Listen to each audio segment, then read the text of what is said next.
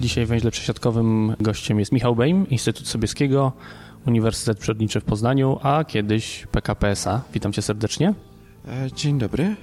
Dzisiejszy odcinek nie będzie obfitował w sensację z cyklu ujawniamy, e, zdradzamy, przerywa milczenie, ale porozmawiamy sobie o tym, co z twojej pracy w PKP dobrego i zostało i czy nie zostało to w żaden sposób zmarnowane, a może czy coś z tego ciekawego wyrosło? Bo powiedz, y, za co byłeś odpowiedzialny w zarządzie PKP SA? E, przechodząc do zarządu PKPS-a, odpowiadałem za trzy działy. Pierwszym z nich był, e, była strategia, jakby to główne zadanie, żeby tworzyć e, pewną strategię rozwoju. Efektem tej strategii rozwoju był program inwestycji dworcowych, o którym sobie troszeczkę może po więcej powiemy. Drugim działem, takim już prawie technicznym, był dział audytu i kontroli wewnętrznej, a trzecim, trzecim działem był dział związany z marketingu. Natomiast na skutek zmian w połowie mojej kadencji, to znaczy odejściu mm, pana Kołodziejczyka z zarządu, przypisane mi zostały kwestie związane z nieruchomościami e, w zamian za marketing i audyt oraz kontrolę wewnętrzną, którą mi jakby odjęto z obowiązków.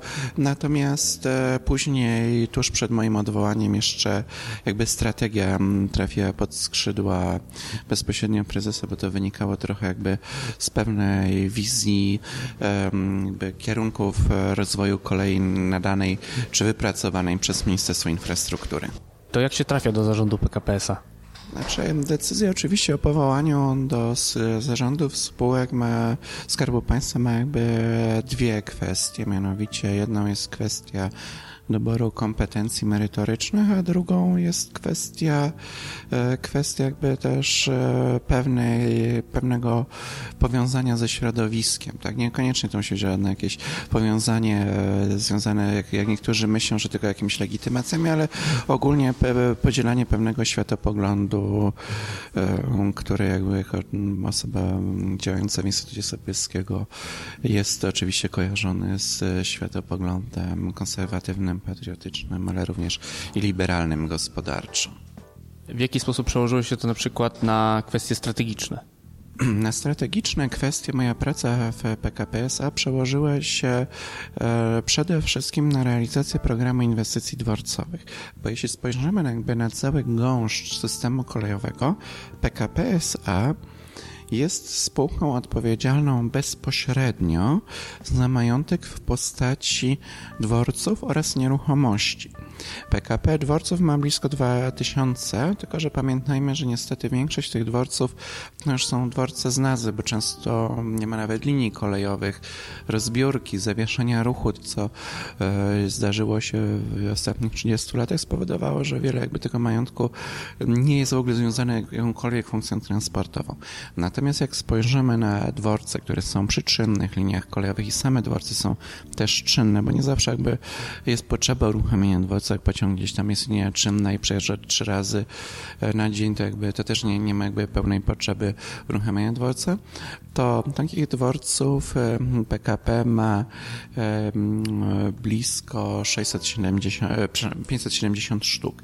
Z tego część, ponad 100 sztuk jest dworcami wyremontowanymi, e, czy zmodernizowanymi w ostatnim czasie, chociażby programy związane z Euro 2012, różne programy, które wiązały się z pomysłem powołania spółki Dworzec Polski przez poprzedni zarząd, spowodowały mm, remonty e, około stu mm, kilkudziesięciu obiektów e, i zostało ostatecznie przez nas zidentyfikowanych 464 obiekty dworcowe które wymagają inwestycji. Tutaj za część, która jest najbardziej skomplikowana, czyli za finanse odpowiadał kolega zarządu, pan Marek Michalski i on jakby przygotował narzędzia finansowe, tak żeby PKP mogło sięgnąć po dotację unijną na remonty tych dworców, dotację wynoszącą nawet 85%, czy też w niektórych przypadkach były teoretycznie przesłanki, żeby ubiegać się o większą niż 85% dotację unijną, bo pamiętajmy, że 85 jest jakby progiem, który nie zawsze mm, jest ostateczną barierą, bo nawet drogi ekspresowe, jak jest trójka w okolicach e, Leszna, była finansowana w 100% e, kosztów kwalifikowanych przez Unię Europejską. I mm, teraz sytuacja była taka, że myśmy zidentyfikowali te 464 obiekty, E, z jednej strony pan Michalski przygotowywał strategię finansowania remontu ze środków unijnych, ale również e, finans, jakby finansowania ich funkcjonowania. To znaczy dworce miały być połączone w grupy, że te dworce, które zarabiają na siebie, a pamiętajmy, że na całym świecie, również i w Polsce, dworce w największych miastach zazwyczaj przynoszą dochód. E, ten dochód miał być, służyć pokryciu kosztów funkcjonowania tych dworców w małych miejscowościach, gdzie ten dworzec właściwie właściwie nie pełni takiej roli ani przesiadkowej, to właściwie ludzie tylko przechodzą paręnaście minut przed odjazdem pociągu i właściwie jak już wracają z pracy, to biegną do domu jak najszybciej, omijając ten obiekt dworcowy, ale niemniej z pewnych przyczyn, chociażby kwestii niezbyt e, regularnych połączeń, kwestii opóźnień i tak dalej, kwestii społecznych te dworce są istotne do funkcjonowania. I e, ten system podziału na grupy i e, to było związane z remontami, ale również przyszłościowym finansowaniem, to było tutaj najtrudniejszym zadaniem, powiedzmy, e, było zadanie pana Marka Michalskiego. Natomiast moje zadanie mm, w zarządzie PKP SA, jeśli chodzi o program inwestycji dworcowych, koncentrowało się na kwestiach związanych z tym, jak ten dworzec ma wyglądać, bo pamiętajmy, że z jednej strony mamy mm, jakby mm, bardzo cenne dziedzictwo architektoniczne, z drugiej strony pewną presję, która została jakby ukształtowana jeszcze za czasów zarządu tak zwanego bankomatów na robienie infrastruktury e, dworcowej uniwersalnej, e, identycznej w skali całego kraju, czy e, IDS-ów, innowacyjnych dworców systemowych. One się mogły różnić tam ewentualnie ciutkę wielkością, czy kolorystyką pomalowania, ale właściwie to było to same. Natomiast patrząc na bogactwo kulturalne, bogactwo kulturowe polskich dworców, e, to dla nas było jakby zasadą, że raczej powinniśmy dążyć do utrzymania tego, co jest, jedynie w ostateczności korzystać z dworców systemowych, jeśli, nie wiem, dworzec czasów e, gierkowskich umownie już się rozpadał w jakiejś małej miejscowości, nie był potrzebny tak duży bo miejscowość przestała być na przykład węzłem komunikacyjnym, to wówczas była jakaś tam szansa e, zastąpienia. Natomiast dążyliśmy do tego, że na przykład, e, dajmy na to dworzec Sowniedzicy, który był budynkiem modernistycznym, nadal jest budynkiem modernistycznym, dwu, dwupoziomowym z parterem i górą, żeby znaleźć partnera spośród samorządów, spośród e, instytucji publicznych, które mogłyby za, zaaranżować te wolne przestrzenie. I tutaj takim partnerem z jednej strony, trudno to nazwać powiedzmy czystą instytucją publiczną, bo jest raczej bardziej postrzegana jako komercyjna, to jest Poczta Polska, która jeszcze to ma zaletę, że jakby placówki pocztowe są odwiedzane przez ich wewnętrzną firmę ochroniarską, tak zwaną Straż Pocztową jest pewna synergia, chociażby na przykład zamykania dworców, otwieranie. I tutaj zaczęliśmy rozmowę e, o partnerstwie to była moja inicjatywa, ale na przykładzie Nidzicy to na przykład samorząd powiatowy e, szukał e, siedziby na nowe, na Urząd Pracy, gdyż dotychczasowy budynek z jakichś tam przyczyn był niewystarczający, nieodpowiedni według założeń. I to też e, rozmowy rozpoczęliśmy.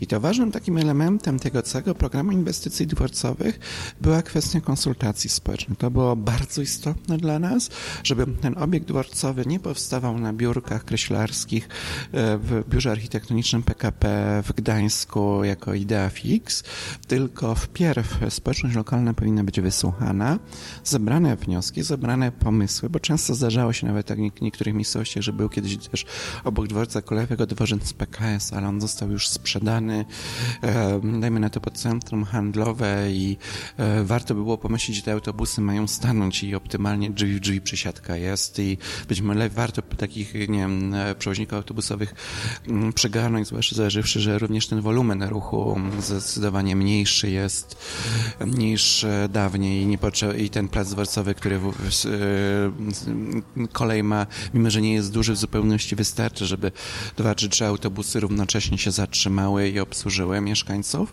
I to to było bardzo istotne kryterium właśnie, żeby też sprawę ustalić e, w konsultacjach społecznych, zarówno z przedstawicielami władz, ale jak i szerokim gremium publiczności. I takie konsultacje jako pierwsze właśnie się odbyły w Niedzicy.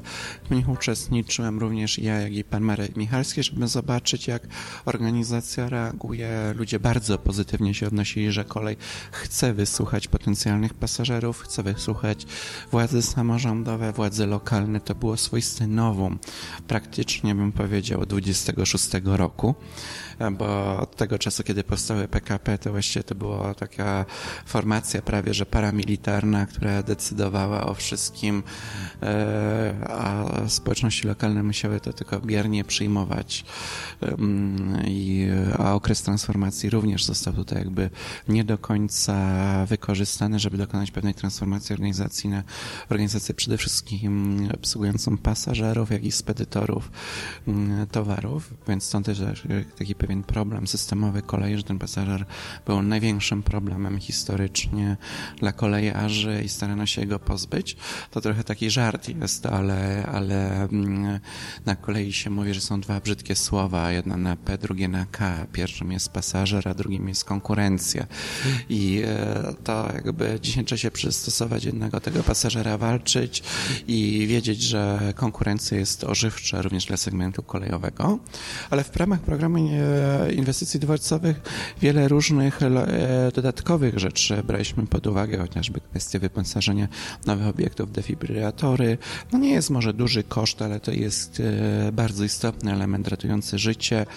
Rozmawialiśmy, aczkolwiek to powiem szczerze, to była takie trochę pewna idea fix, na przykład, czy nie spróbować zrobić tak zwanych budek telefonicznych, socjalnych, jak to na świecie w niektórych dworcach są, że 2-3 minuty są gratis, załóżmy, można zadzwonić, wybrać w razie jakiejś tam potrzeby, że nie wiem, telefon się straciło, powiadomić rodzinę, czy coś, jakąś tam krótką rozmowę, dwu, trzyminutową, to to, ale to akurat powiedzmy e, była taką, taką oczywiście też ideą rozważaną, nie tak jak defibrilator, że on jest autentycznie bezwzględnie potrzebny, natomiast no, było rozważane, rozważaliśmy również kwestie elektromobilności, żeby prace dworcowe w razie czego mogły być mm, przy okazji przebudowy dostosowane, także w przyszłości będzie można przez peszla przepchnąć kabel energetyczny i postawić słupek. Niekoniecznie to jest zadanie backupu, ale jakby myśląc o węźle intermodalnym, też to powinniśmy mieć na uwadze.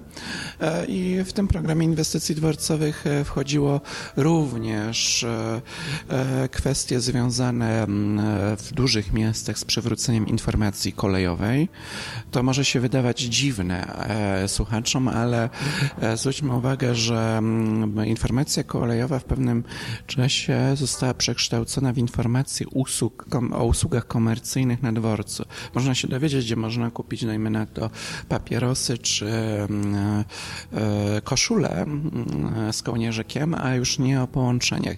I takim elementem miało być jakby przywracanie, oczywiście na największych e, obiektach dworcowych, funkcji informacyjnej i pierwszym obiektem, który się udało uruchomić jeszcze przed moim odwołaniem zarządu był dworzec Poznań Główny, gdzie przy dużym zainteresowaniu partnerów, to znaczy spółki PKP Intercity, przewozy regionalne oraz kolei wielkopolskich, ten punkt został uruchomiony i co od razu przełożyło się, co ważne, na spadek ilości skarg, które płynęły czy do PKP, czy do przewoźników, czy też do UTEK-u na e, brak dostępu do informacji. To był taki może niewielki sukces, ale myśleliśmy o tym właśnie, żeby dworzec był pewnego rodzaju świątynią mobilności, jeśli chodzi o mm, transport lokalny. To jest jakby wynika z moich doświadczeń. Jak ja byłem na stypendium Humboldta e, w Niemczech, zajmowałem się dwa lata kolejami regionalnymi w Niemczech, które odniosły ogromny sukces, bo przez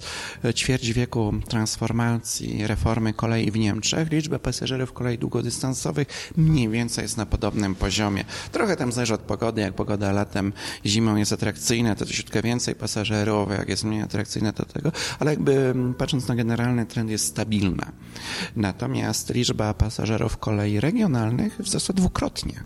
I to jest sukces, tak, że jakby kolej ona odżyła właśnie dzięki kolejom regionalnym. Jednym z tych elementów była kwestia, mm, kwestia związana z dworcem jako pewną świątynią mobilności. I e, też Niemcy przeżywali taką fascynację czymś na kształt naszych IDS-ów.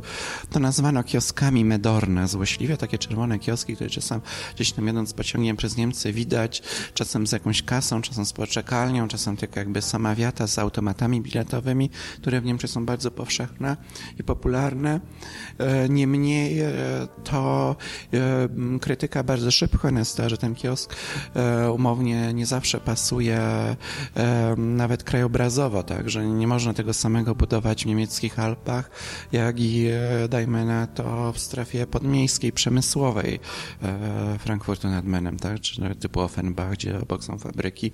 I to nie Szpeci, a w Alpach, czy dajmy na to w krajobrazie nadmorskim już niekoniecznie. I to była taka lekcja pokory, którą staram się wprowadzić w strukturę PKP-u, że IDS owszem może być ciekawym rozwiązaniem, nie musi, ale może.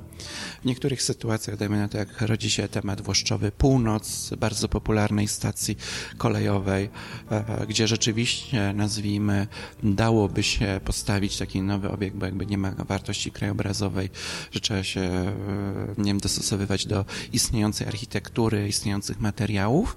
Natomiast postawienie tego e, na obszarach podgórskich już niekoniecznie fajnie będzie wyglądało, tym bardziej, że mamy ciekawe jakby kompleksy dworcowe jako dziedzictwo chociażby Austro-Węgier pozostawione.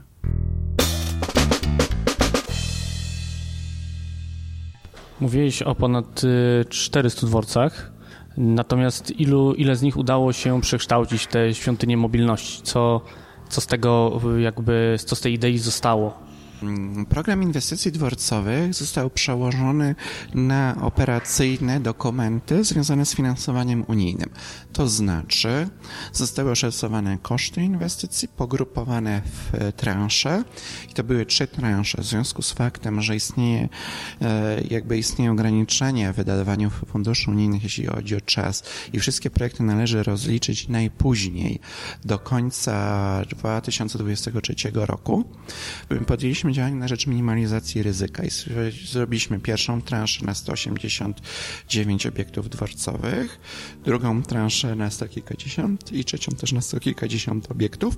Także pierwsza transza kończy się z końcem 2021 roku. Jakiekolwiek opóźnienie o parę miesięcy nie rodzi jakichkolwiek konsekwencji e, związanych z funduszami unijnymi. Drugą też i trzecią, która rzeczywiście była obarczona tym ryzykiem, ale to wybraliśmy do trzeciej najprostsze obiekty, gdzie rzeczywiście zaistnienie ryzyka jest stosunkowo najmniejsze. I na pierwszą transzę w 2016 roku jesienią zarząd PKP SA zawarł umowę z Komisją Europejską reprezentowaną przez ministra właściwego do spraw rozwoju funduszy unijnych i to zostało jakby e, przejęte. W momencie oddawania, od, e, oddawania jakby stanowisk przez nas nowemu zarządowi, myśmy mieli już rozpisane kalendarze konsultacji, kiedy mają nastąpić i cały zespół. Nowy zarząd jakby podjął pewne zmiany organizacyjne, które troszeczkę wpłynęły na ten kształt programu inwestycji dworcowych i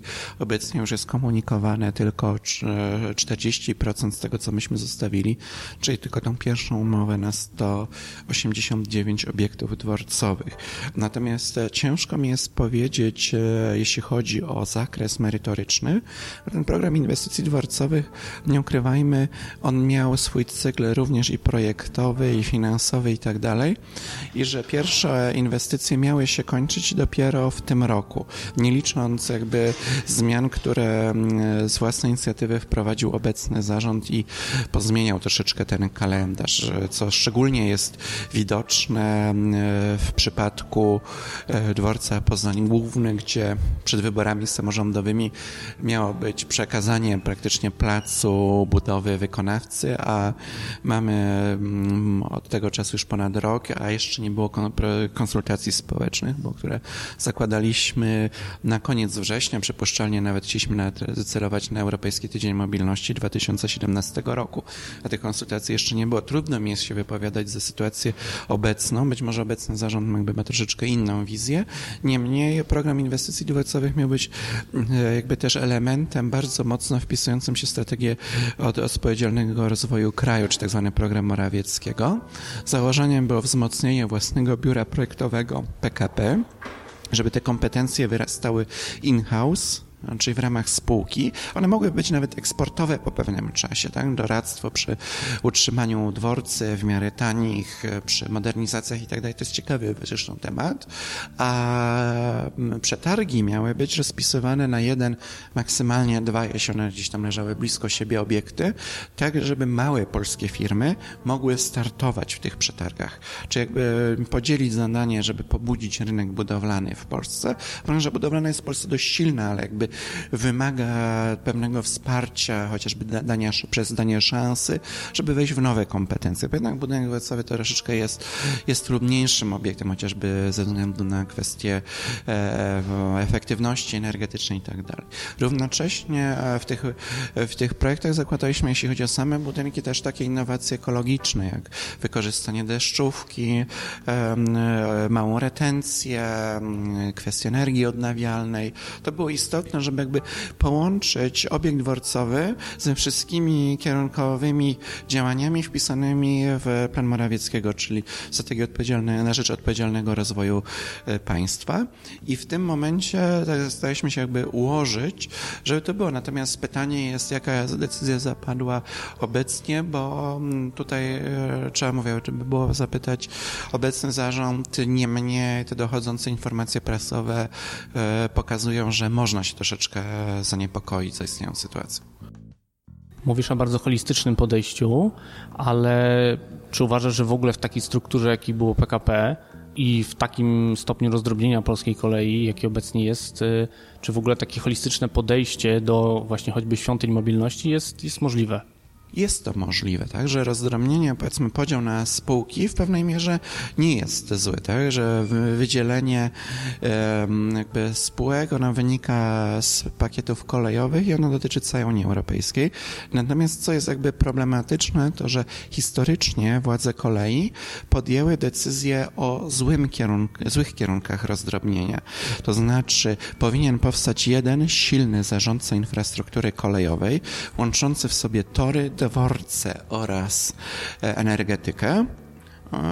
Natomiast e, e, przewoźnicy kolejowi powinni działać normalnie na rynku konkurencyjnym i niestety Polska nie wybrała czeskiej drogi, która jak dzisiaj widzimy okazuje się ogromnym sukcesem, bo Leo Express jest drugim co do wielkości przewoźnikiem kolejowym e, na rynku niemieckim, jeśli chodzi o przewoźników dalekobieżnych.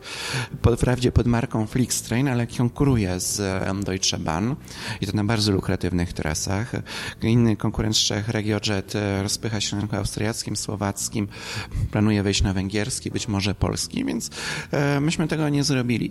Natomiast to rozdrobnienie troszeczkę rzeczywiście jest mniejsze, bo jakby władza PKP SA poza posiadaniem udziałów e, w spółce PKP Polskie Linie Kolejowe i to udziałów naprawdę mniejszościowych, bo własne są mniejszością, część jest tak zwanych użyczonych przez Skarb Państwa, powoduje, że jakby nie ma wpływu na mm, decyzje, nie wiem, o remontach peronów. I to tylko jakby dobra wola, której powiedzmy dużo jest wprawdzie w strukturach PLK, decyduje, czy jak będą wspólnie koordynowane, czy, y, czy przeprowadzane te inwestycje. I tu rzeczywiście uważam, że to rozdrobnienie poszło w złą stronę. Myśmy trochę taki obrali model gdzieś tam w pół kroku, model szwedzki, gdzie jest taka spółka Jernhusen, która zajmuje się zarządzaniem dworcami oraz komercjami komercjalizacją niepotrzebnych nieruchomości kolejowych, czyli budownictwem, wynajmem pod centra logistyczne i tak dalej. Myśmy to obrali, ale Szwedzi poszli krok dalej i są prywatni przewoźnicy. Myśmy tak właściwie się zatrzymali, że właściwie nie wiadomo, czy PKP Cargo należy traktować jako spółkę Skarbu Państwa, w której Skarb Państwa ma 33% udziałów, czy to już jest prywatny przewoźnik.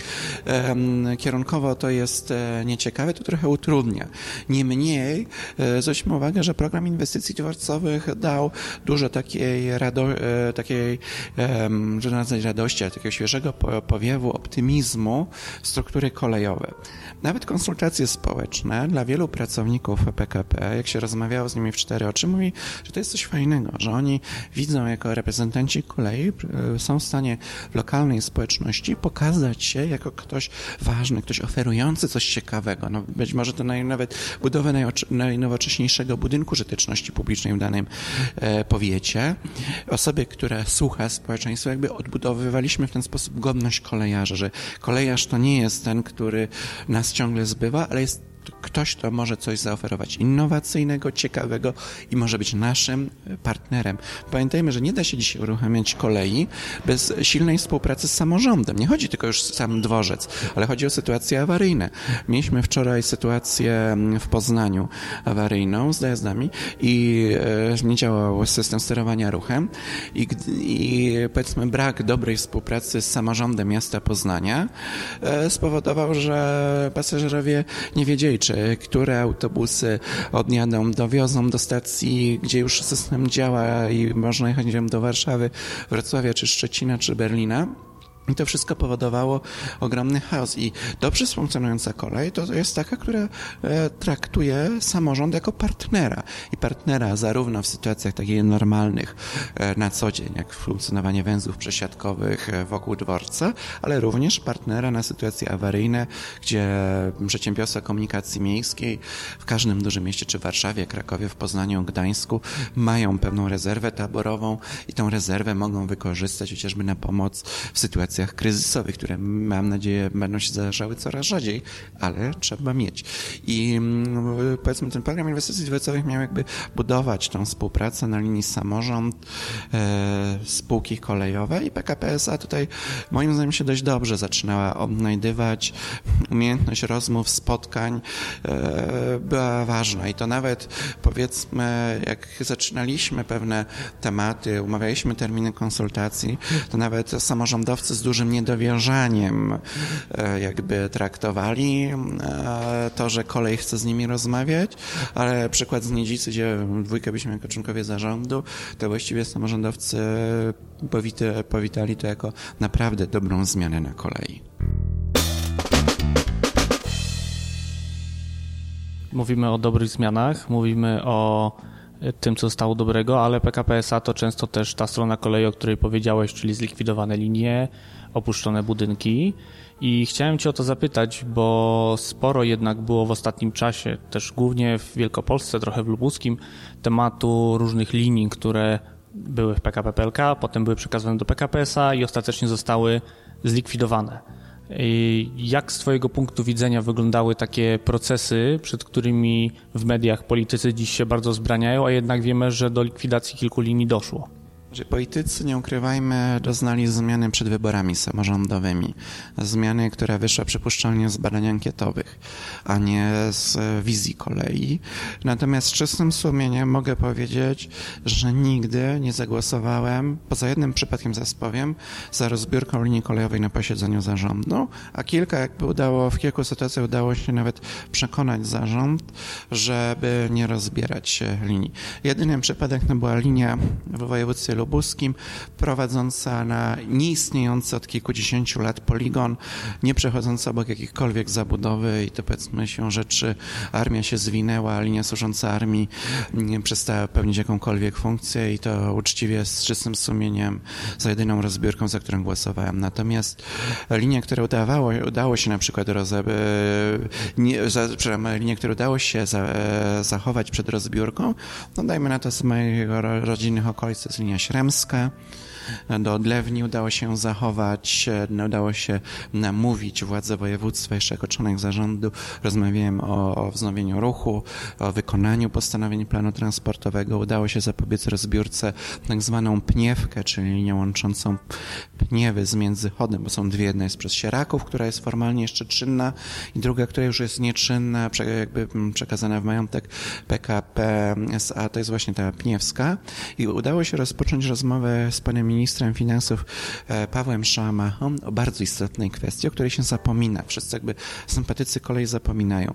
Weszło w Polsce prawo, które linie, które e, wyłączono e, z ruchu kolejowego po, jeśli dobrze pamiętam, po trzech czy po pięciu latach nieużywania każe traktować jako teren przemysłowy, otwierając samorządom drogę do nakładania podatków lokalnych od nieruchomości i to nieruchomości przemysłowych, które są dużo jakby mocniej opodatkowane niż nieruchomości e, na służące celom bytowym mieszkaniowym. I to nie, zaczęliśmy rozmowę, żeby przywrócić stan prawny przez, przed zmian chyba, jeśli dobrze pamiętam, w 2014 czy 2015 weszły w życie, żeby nie było presji na spółkę, która jakby musi się wykazywać pewnym rachunkiem ekonomicznym, że przyjdą e, kontrolerzy i powiedzą, że my niepotrzebnie, zbytecznie płacimy ogromny podatek od nieruchomości, kiedy te linie trzeba po prostu fizycznie rozebrać, zdjąć tak zwaną drabinkę, przekazać majątek gminie, niech sobie wybuduje drogę, ścieżkę rowerową, parkingi, czy tam e, Bóg wie co, byleby się wyzbyć. I to jest niestety sytuacja taka, że często ta maksymalna wartość podatku w niektórych gminach leżących, jak to się ładnie mówi, in the middle of nowhere, e, by przekroczyła wartość gruntu po kilku, może dziesięciu latach przekroczyłaby wartość gruntu, wartość podatku, więc to, to jest dość istotne rozwiązanie systemowe, o które warto zabiegać. Pana by wypadałoby może wprowadzić w kategorię podatkową czy prawną, że te grunty, które są potencjalnie transportowe, nie można oczywiście załóżmy wykorzystywać ich dzisiaj na teren na prowadzenie gospodarczego, działalności gospodarczej, ale zabezpieczyć i planistycznie, to ja wiem, że to nie jest rola ministra finansów, to jest ministra y, inwestycji i rozwoju, jak i również finansowo, że nie ma jakby na nich nakładane podatków, bo nikt na gminę nie nakłada podatków od nieruchomości, czy na powiat, czy na województwo, nawet jeśli droga jest nieczynna. Nie wiem, przykładowo fragmenty autostrad są oddane i czekają na budowę węzła i nikt nie płaci, mimo że one nie są użytkowane, nie są znakowane jako autostrada czynna. Tak? Obwodnica Częstochowy teraz tam parę miesięcy czeka i nikomu nie przyszło nawet do głowy wymyślić systemu prawnego, że nagle będzie trzeba od drogi, która jest, nie wiem, zamknięta, płacić podatek od nieruchomości. KDDK ja płaci gminie. E, więc tutaj jest nierówne traktowanie transportu drogowego i kolejowego nawet w sytuacji fiskalnej. Natomiast z drugiej strony uważam, że mówię, działanie dążące do dobrze rozumianego holdingu, czyli połączenia e, operatorów infrastruktury kolejowej, e, w sensie PKP, PLK i PKP SA jako dworcowej, czy dzisiaj się mówi usługowej, w jedną, w jedną grupę i stworzenia na tej podstawie takiej agendy rządowej jak EDDKiA e, uważam jak najbardziej e, dobre kierunkowo działanie. Trochę na emocjach muszę zagrać, bo jednak trochę słuchaczym trzeba obudzić pod sam koniec odcinka. Czy możesz powiedzieć, jak wygląda e, w zarządzie PKPSA sytuacja, kiedy jest procedowana na zarządzie likwidacja danej linii kolejowej? Jak wygląda ostre cięcie po polsku? Szczerze, mowa jest tylko o kosztach. Tak jakby spółka się kieruje kosztami i siłą rzeczy dział kontrolingu mówi, że są takie i takie koszty z jednej strony, z drugiej taki i taki zysk e, z, ze złomowania linii, ewentualnie koszty, bo powiedzmy podkłady drewniane są dużym problemem środowiskowym, koszt zadziałania z podkładami drewnianymi. I oczywiście bilans mówi, że zamykamy i jakby mm, rachunek ekonomiczny spółki e, i jakby kodeks e, kodeks handlowy, jak spółki działają, też jakby nakazuje podejmowanie działań, które likwidacyjne, które generują koszty i e, niepotrzebne i to niestety tutaj jakby rachunek społeczny, czy to jest potrzebne, czy nie jest potrzebne, czy tego nie wchodzi w rachubę. Oczywiście PKP ma obowiązek się spytać przewoźników, co tym sądzą. Ja wprowadziłem taką procedurę, że również trzeba spytać się marszałków, e, czy też nie za alternatywnych e, zarządców infrastruktury kolejowej, jak na przykład Cargotor, DSDIK i tak dalej, czy nie są w stanie przejąć. I na tej podstawie, powiedzmy, ten sukces Bielawy się udało osiągnąć, bo jakby rozmowy o przejmowaniu przez marszałka Dolnośląskiego zostały zainicjowane za moich czasów. Tak? Przyszła do mnie delegacja, zaczęliśmy rozmawiać i mówię, fajnie, ratujmy kolej, bo jakby patrząc z punktu widzenia PKP SA, im więcej linii kolejowych jest czynnych, tym jest większy zysk. Tak? Im więcej osób przyjeżdża na dworzec, im więcej osób jest na dworcu, tym droższy najem powierzchni, nie wiem, na sklepy, na tego. To jest jakby e, efekt kuli śniegowej, że im więcej pasażerów, tym ta kolej na pasażera jest tańsza. Się upewnię, żebym miał tą pewność, o czym rozmawiamy. Mówimy tu o liniach, które posiadają już decyzję likwidacyjną, czy dopiero ma ona zostać wydana? Sytuacja wygląda tak, że w Polsce jest decyzja o likwidacji, czyli następuje zawieszenie ruchu, skreślenie z rejestru czynnych linii i przekazanie majątku do PKP SA. Nie ma czegoś takiego jak w Niemczech, decyzji rozbiórkowej ministra. Niemiecki system nakazuje, można wyłączyć linię, zlikwidować, ale nie wolno jej rozebrać jeśli nie ma decyzji e, ministra właściwego, bo to jest majątek Republiki Federalnej i nie wolno tego. Tego, oczywiście, i tego u nas brakuje. Jakby ta decyzja ciąży na zarządach, e, na, kolejnych zarządach PKP SA. Są oczywiście zarządy, które mniej chętnie podchodzą do likwidacji. Nasz zarząd, powiedzmy, był, udało mi się sceptycyzmem zarazić, natomiast e, kolejny, który przyszedł, dużo decyzji podpisał i rozpoczął rozbiórki. Wcześniej to też się działo, tak, że jakby e, trzeba pamiętać, że ta decyzja właśnie ona zmienia też strukturę tą podatkową, tak, czy jakby jeśli jest jako czynna, nawet nic się nie dzieje, to jest traktowane jako ciąg komunikacyjny, nie ma podatków, jak trafia do PKP, zaczyna się odliczanie, kiedy gmina będzie mogła nałożyć podatek od nieruchomości. No cóż, tutaj zrobimy cięcie, może nie ostre. Bardzo Ci dziękuję za rozmowę o kulisach pracy w PKP SA. No, pozostaje życzyć, no właśnie, czego życzyć Michałowi Bejmowi? Osobiście? To myślę, że habilitacji szybko, a z drugiej strony jakiegoś e, być może podjęcia jakieś wyzwania na rzecz praktyczne, praktycznego wyzwania na rzecz transportu publicznego w przyszłości. I tego Ci bardzo serdecznie życzę. Dziękuję Ci bardzo za rozmowę. Dziękuję serdecznie za wysłuchanie. Na dziś to już wszystko. Kolejny odcinek oczywiście za tydzień. A dzisiaj tradycyjnie dziękuję wszystkim patronom podcastu, w szczególności Piero, Pawłowi Zygartowskiemu i Pawłowi Szczurowi. Jeżeli chcecie dołączyć do tego grona, zapraszam na patronite.pl przesiadkowy lub na patreon.com przesiadkowy. Do usłyszenia.